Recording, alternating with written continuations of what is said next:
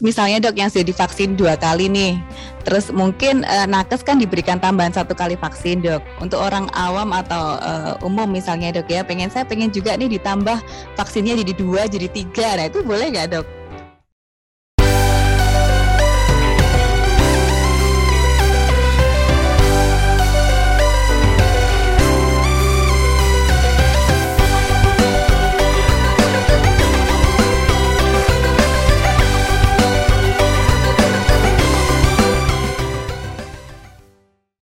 Semuanya, Assalamualaikum warahmatullahi wabarakatuh. Salam agromedis. Kembali lagi di Bincang Agromedis Fakultas Kedokteran Universitas Jember bersama saya Dr. Adelia Handoko MSI. Nah, di Bincang Agromedis kali ini saya sudah kedatangan tamu yang sangat spesial nih. Kita akan membahas tentang topik yang di mana topik ini tuh masih hangat menjadi perbincangan di mana pun di webinar, di seminar, di sosial media, di berita online ataupun berita cetak. Nah, ini masih menjadi topik yang masih sangat banyak dibicarakan. Nah, siapa tamu kita hari ini? Beliau adalah Dr. Ulfa Elvia, Magister Kesehatan, spesialis bedah plastik, rekonstruksi estetik, konsultan. Nah, kita sapa yuk beliau. Selamat datang, Dr. Ulfa. Ya, terima kasih, Dokter Adel. Aduh, kalau satu tarikan nafas ini sesek saya, anu dok, nyebut gelarnya Dr. Ulfa ini. Lebih panjang daripada namanya ya. Gimana kabarnya dok? Sehat dok? Ya sehat, Alhamdulillah. Nah, ini kan topik bahasannya sekarang ini tentang vaksinasi nih, Dok. Di mana-mana sekarang masih dibahas, mau di koran, mau di berita online, mau di sosial media, semua orang membahas tentang vaksin nih, Dok. Mungkin info dari Dr. Ulfa. Nah, Dr. Ulfa ini kan selaku uh, koordinator UMC, Unit Medical Center Universitas Jember dan juga selaku ketua Satgas Covid tim tanggap darurat kesiapsiagaan bencana COVID-19 UNED nih dok. Nah dari Dokter Ulfa mungkin ada gambaran dulu dok tentang gambaran uh, vaksinasi di Jember dan di UNED khususnya dok. Ya baik terima kasih Dokter Adel yang sudah mengundang saya uh, di acara Dokter Adel yang uh, lagi banyak diminati ini. Aduh. Semoga ini bisa bermanfaat lagi. Ya amin, kalau amin. bicara tentang vaksinasi, memang uh, pemerintah Kabupaten Jember saat ini sedang berupaya keras untuk bisa mencapai uh, capaian vaksinasi. Seperti yang kita ketahui beberapa uh, hari yang lalu ada berita bahwa kota-kota yang capaian vaksinasinya belum mencapai 50% itu turun levelnya ya menjadi level hmm. 3. Tetapi saat ini uh, Kabupaten Jember sudah diupayakan untuk bisa kembali menjadi level 1. Uh, eh, informasi terakhir yang kami dapatkan dari Dinas Kesehatan memang untuk capaian vaksinasi dari 1,9 juta sasaran vaksinasi kita baru mencapai sekitar 30 sampai dengan 25 persen. Tetapi ini sedang kita upayakan dalam beberapa minggu ke depan. Harapannya bulan depan kita sudah bisa mencapai uh, vaksinasi paling tidak 50 persen sesuai yang diharapkan uh, oleh pemerintah. Sedangkan untuk Universitas Jember kita harusnya cukup berbangga ya kita sebagai uh, Sivitas Akademi Jember karena kita dilibatkan di dalam kegiatan vaksinasi oleh Dinas Kesehatan dan peran ini uh, cukup membantu sekali karena sampai saat ini capaian sasaran uh, vaksinasi Universitas Jember itu kurang lebih sekitar 25 ribu sasaran. Hmm. Banggakan buat kita. Uh, kita termasuk salah satu tim vaksinator yang kalau dilihat jumlah sasarannya dibandingkan dengan tim vaksinator yang lain kita masih masuk dalam 3 sampai 5 besar. Hmm. Banyak ya dok ya, sudah 25 ribu ya dok ya? Ya, 25 ribu orang. Nah, eh, kalau dari Dr. Ulfa sendiri dok sebagai ketua Satgas COVID UNED juga ya dok, kenapa sih dok orang itu harus divaksin? Kalau nggak divaksin dan orang yang divaksin itu bedanya apa ya dok kira-kira dok? Ya, ini penting sekali Dokter Adel karena uh, seperti yang kita ketahui ya eh, COVID-19 ini tidak hanya terjadi di Indonesia tapi di seluruh dunia. Dan orang-orang kesehatan maupun eh, tenaga-tenaga uh, ahli ber, melakukan berbagai macam upaya untuk mencegah dan menghentikan uh, pandemi ini salah satunya adalah dengan vaksin. Kenapa? Karena dengan diberikan vaksin maka bisa meningkatkan kekebalan tubuh kita. Hmm. Harapannya kalau kita punya kekebalan tubuh yang baik, nah ketika ada infeksi uh, seperti infeksi COVID-19 ini paling tidak uh, kita bisa terselamatkan uh, gejala yang timbul ringan begitu. Hmm, jadi penting ya dok divaksin ya. Jadi kalau ya. misalnya bergejala itu gejalanya lebih ringan. Ya, nah sekarang vaksin ini kan banyak nih dok. ada mungkin AstraZeneca, ada Sinovac, dan ada Moderna. Nah, kira-kira yang bagus itu yang mana dok? Nah, ini sering ada banyak pertanyaan nih dok. Kalau ada ini, kayak pilih yang mana ya kira-kira? Nah, kalau dari dokter Ulfa gimana dok? Ya, uh, ini penting ya buat kita ketahui memang um, vaksin itu banyak sekali macamnya yang sedang dikembangkan oleh para ahli di dunia dan hanya ada beberapa yang masuk ke Indonesia. Mungkin yang pertama kali yang kita kenal adalah Sinovac. Nah, Sinovac juga merupakan vaksin yang pertama yang dipakai untuk vaksinasi di lingkungan Civitas Akademi Universitas Jember. Dulu kita rame-rame uh, warga UNED di vaksin Sinovac. Hmm. Sinovac ini berisi komponen uh, inaktif dari uh, virus COVID-19 ya, SARS-CoV-2 ya, yang dilemahkan yang bertujuan dengan memberikan vaksin ini bisa merangsang uh, antibodi. Nah, ini menurut hasil penelitian dia memiliki tingkat efikasi lebih kurang lebih sekitar 63 persen, 63 sampai dengan 65 persen begitu. Uh, di mana ketentuan dari WHO uh, vaksin itu bisa digunakan dan dikatakan bahwa dia efektif bisa meningkatkan daya tahan tubuh lebih dari 50 persen. Nah, untuk Sinovac ini sudah lebih dari 50 persen, yaitu sekitar uh, 60 63 65. Hmm. Kemudian kita mengenal lagi yang disebut dengan AstraZeneca ya. Hmm. Nah, AstraZeneca ini uh, juga merupakan uh, vaksin tetapi ini termasuk uh, menggunakan um, vektor virusnya ya untuk bisa merangsang timbulnya uh, antibodi dan dia memiliki efikasi yang kurang lebih uh, sama dengan uh, Sinovac ya kurang lebih sekitar 63 persen begitu efikasinya. Nah, kemudian ini yang dua A2 sampai tiga vaksin berikutnya ini yang mulai banyak diminati hmm. karena diduga dia hampir mencapai kurang lebih sekitar 90% efikasinya yaitu ada Pfizer, ada Moderna, kemudian uh, ada juga yang Sinovac yang kemarin uh, banyak dipakai uh, hmm. untuk vaksin uh, sasaran disabilitas ya. Jadi itu beberapa uh, vaksin yang beredar di Indonesia. Jadi kalau kita bicara mana yang lebih bagus sebenarnya semua vaksin tadi memberikan efek untuk meningkatkan antibodi hmm. tergantung uh, jumlah atau distribusi vaksinnya yang sedang ada di masyarakat. Tetapi kalau berdasarkan efikasinya, pasti yang memiliki efikasi yang lebih besar persentasenya itu yang uh, akan memberikan uh, efek yang lebih baik. Hmm, berarti eh, vaksin ini juga tergantung ketersediaan yang ada di sekarang ya dok ya, karena tidak selalu ada kan begitu ya dok ya. Jadi eh, eh saran dari Dr. baik yang ada saja ya dok ya daripada nanti nggak ada dapat vaksin terus kita ya. terpapar lebih beresiko baik. Nah misalnya sudah divaksin nih dok, boleh nggak dok nggak pakai masker nawar ini dok? Kalau sudah divaksin nawar nggak pakai masker boleh nggak dok? Jadi untuk mencegah penyebaran dari virus uh, eh, COVID-19 ini kita tidak cukup hanya menggunakan satu modalitas, misalnya cuma hmm. masker saja itu tidak cukup. Kenapa? Karena tadi kita mengerahkan semua upaya hmm. yang kita kita terselamatkan dari virus, termasuk kita harus vaksin, termasuk kita tetap prokes, pakai masker, jaga jarak, selalu cuci tangan. Jadi tidak cukup. Begitu sebaliknya, uh, kalau kita hanya vaksin vaksin saja kemudian kita tidak maskeran. Nggak bisa begitu. Hmm. atau sebaliknya ya dok saya 5 m aja saya nggak usah saya nggak usah vaksin gitu ya dok? Iya. Hmm. ya ya ya. Berarti uh, ikhtiarnya sebaik mungkin ya dok kalau bisa 5 m dan uh, bisa vaksin lebih baik gitu ya dok ya? Nah Uh, terus misalnya dok yang sudah divaksin dua kali nih, terus mungkin uh, nakes kan diberikan tambahan satu kali vaksin dok. Untuk orang awam atau uh, umum misalnya dok ya, pengen saya pengen juga nih ditambah vaksinnya jadi dua jadi tiga, nah itu boleh nggak dok? Ya, sampai saat ini memang belum ada peraturan dari pemerintah yang mewajibkan orang umum itu diberikan booster yang ketiga, hmm. vaksin yang ketiga. Jadi memang khusus untuk tenaga kesehatan dengan pertimbangan bahwa tenaga kesehatan ini adalah garda terdepan. Ya. Hmm.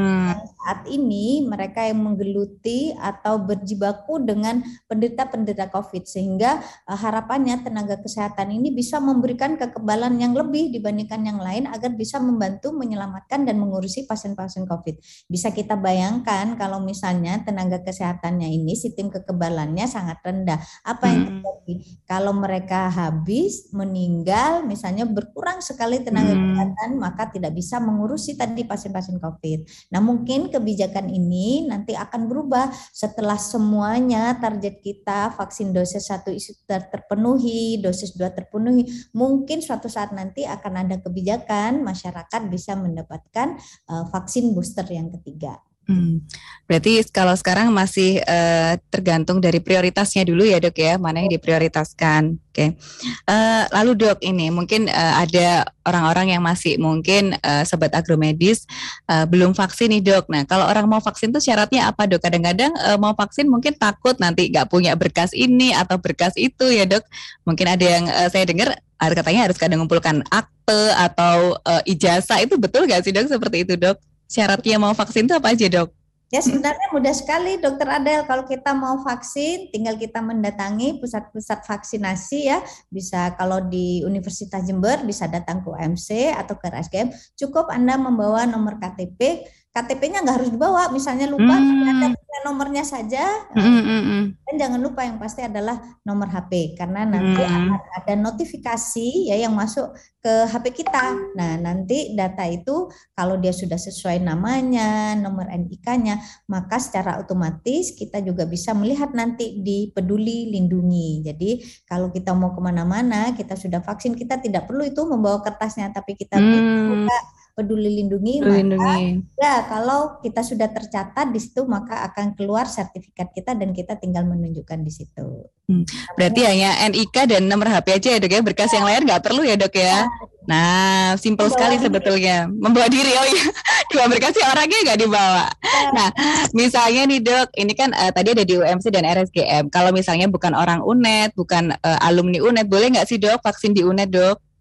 Boleh, jadi di mana pun uh, kita bisa melakukan vaksin. Warga sekitar UNED atau di luar UNED yang belum vaksinasi boleh vaksin di tempat kami karena memang uh, untuk saat ini lebih longgar, tidak ada aturan harus sesuai dengan wilayah kerja puskesmas, harus uh, sesuai dengan wilayah daerah tertentu. Jadi di mana pun asal tadi dia mempunyai NIK, kemudian nomor telepon bisa melakukan vaksinasi di UMC dan RSGM. Hmm, baik. Jadi sampai uh, sekarang posisinya juga sudah menerima ya dok ya UMC dan RSGM ya dok. Oke, nah itu sobat agromedis, jadi uh, bisa uh, nanti menghubungi ke UMC atau RSGM jika belum vaksin ya dok ya. Nanti akan diinformasikan tentang ketersediaan vaksin dan jadwal vaksinasinya. Nah ini kalau misalnya orangnya sudah tua nih dok, 80 tahun, 70 tahun, boleh nggak sih dok divaksin dok? Iya, uh, dari beberapa penelitian, uh, salah satu vaksin yang biasanya kita pakai untuk usia lebih dari 60 tahun itu adalah uh, Sinovac ya. Hmm. Itu aman uh, dipakai untuk lansia. Oleh karena itu, seperti yang saya sampaikan tadi bahwa sasaran uh, atau cakupan vaksin ini oleh pemerintah cukup luas ya, mulai dari anak-anak sampai dengan lansia. Hmm, baik, jadi yang uh, lansia juga tetap bisa ya, Dok ya? Nah, ini yang penting nih kayaknya dok. Bayar nggak sih dok kalau mau vaksin ini dok? Tidak berbayar. Oh, tidak berbayar, gratis ya dok ya? Ongkos ya mungkin ya dok kalau vaksin ya. terus beli mampir ke depan, nah itu baru bayar ya dok. Kalau vaksin aja nggak usah bayar ya dok ya? mungkin uang dikeluarkan untuk persiapan sarapan, beli makanan, beli makanan. Ya, ini ini sangat penting mungkin ya dengan kita uh, apa namanya tubuh yang yang sudah uh, berenergi begitu sehingga dia tadi tidak takut-takut begitu ya, tidak lemes gitu. Nah, itu juga uh, memberikan apa namanya semangat untuk bisa semangat vaksin gitu. Ya, ya. Nah terkait persiapannya tadi dok, berarti kan uh, pada saat berangkat vaksin kitanya harus sehat dulu ya dok ya, tidak dalam kondisi sakit. Nah setelah divaksinnya dok, mungkin ada uh, apa namanya perhatian-perhatian khusus dok, uh, apa setelah kondisi setelah vaksin dok?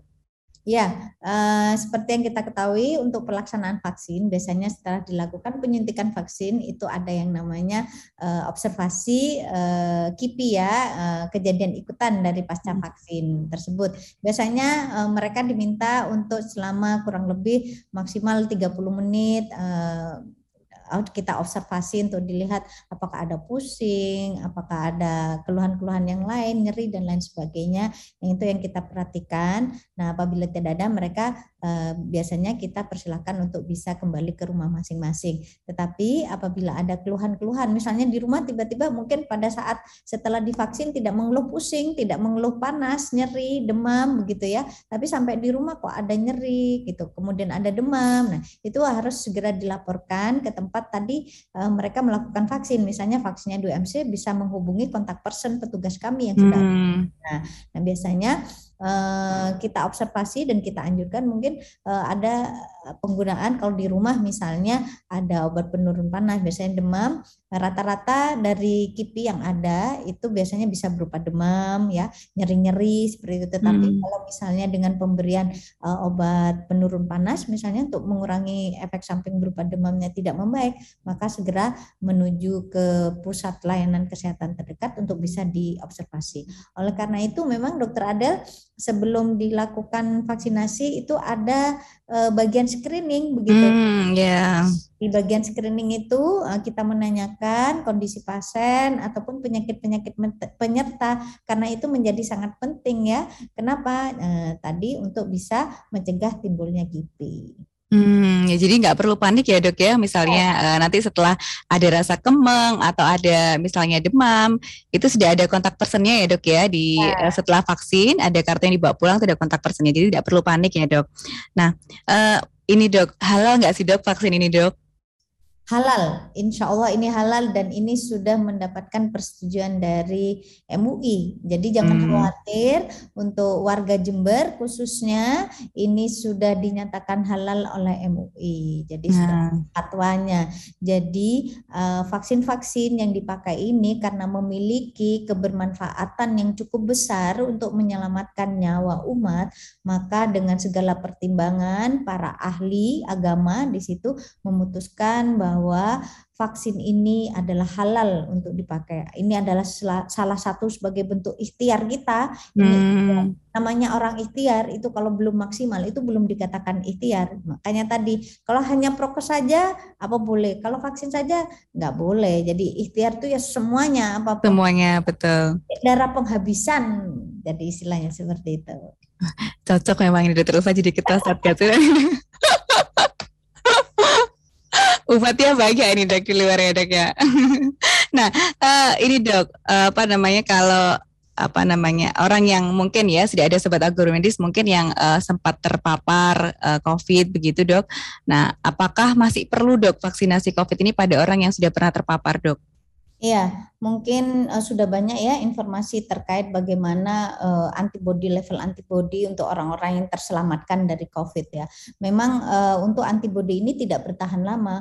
Oleh karena itu, berdasarkan dari penelitian itu, kemudian WHO uh, menganjurkan bahwa orang-orang yang terkena uh, COVID yang kemudian kita kenal sebagai penyintas untuk beberapa bulan berikutnya mereka harus dilakukan vaksinasi juga. Nah, ini hmm. peraturan yang terbaru mengatakan uh, bahwa vaksinasi untuk para penyintas sudah bisa dilakukan dalam waktu satu bulan. Uh, ini sangat bergantung kepada berat ringannya tadi ya, level penyakit yang dialami atau gejalanya. Kalau dia gejalanya ringan uh, dan dinyatakan dia dari hasil pemeriksaan PCR-nya negatif dalam waktu satu bulan, mereka sudah bisa dilakukan vaksinasi. Tetapi kalau yang berat itu disarankan menunggu waktu tiga bulan untuk bisa dilakukan vaksinasi. Hmm, berarti tetap tetap dilakukan vaksinasi ya dok, ya. walaupun uh, pernah terpapar begitu. Nah, ini terkait persiapan apa, apa namanya penanganan setelah COVID tadi dok, ada nggak dok tarak makanan apa gitu dok setelah COVID nggak boleh makan apa gitu ya, atau sorry setelah vaksin. Nah, setelah vaksin nggak boleh makan ini nanti ini gitu. Ada ya. nggak ya. dok seperti itu? Sebenarnya tidak ada, tidak ada aturan hmm. yang melarang ya. Jadi karena sebenarnya vaksin ini eh, istilahnya sebagai salah satu upaya untuk meningkatkan kekebalan yang tidak berhubungan uh, dengan makanan tertentu begitu ya. Hmm. Bahkan dianjurkan kita tadi ya sebelum kita vaksin pun kita harus memiliki pola makan yang sehat, makan apa pun itu uh, tadi asal yang bergizi, memenuhi kriteria empat sehat lima sempurna itu wajib uh, gitu. Hmm, berarti tidak betul ya dok kalau misalnya ada yang mengatakan bahwa setelah vaksin nggak boleh makan ini atau begini itu hoax ya dok ya. Nah ini seru sekali di perbincangannya dengan dokter Ulfa. Nah mungkin untuk yang terakhir nih dok ada pesan-pesan dari dokter Ulfa untuk uh, sobat bincang agromedis yang ada di rumah dok. Ya, mungkin pesan saya untuk sahabat agromedis, mari kita bersama-sama mensukseskan program vaksinasi. Kita berusaha untuk merubah uh, pola pikir uh, dan uh, wawasan masyarakat tentang hoax-hoax yang tidak bagus tentang vaksin. Vaksin penting buat kita untuk meningkatkan kekebalan tubuh kita sebagai salah satu upaya bersama-sama untuk mempercepat pandemi ini segera berakhir. Ya, dan mari kita jadikan protokol kesehatan kebiasaan 5M itu sudah menjadi budaya baru kita sebagai salah satu upaya juga untuk kita mempercepat uh, pencegahan penyebaran dari uh, eh, COVID-19 ini. Bagi yang belum vaksin, mari segera datang vaksin ke tempat kami di UMC atau di RSDM. Wah, terima kasih banyak Dokter Ulfa sudah meluangkan waktu. Dok, mungkin nanti kalau ada bahasan topik lain yang terkait uh, COVID atau vaksin mau ya Dok diundang lagi ya Dok. Yap. Nanti kita janjian pakai baju apa ya Dok ya? Nah, itu. itu yang terpenting Dok. Ya, janjian kasih dulu. Saya semuanya semangat. Semangat ya Dok bincangan kita.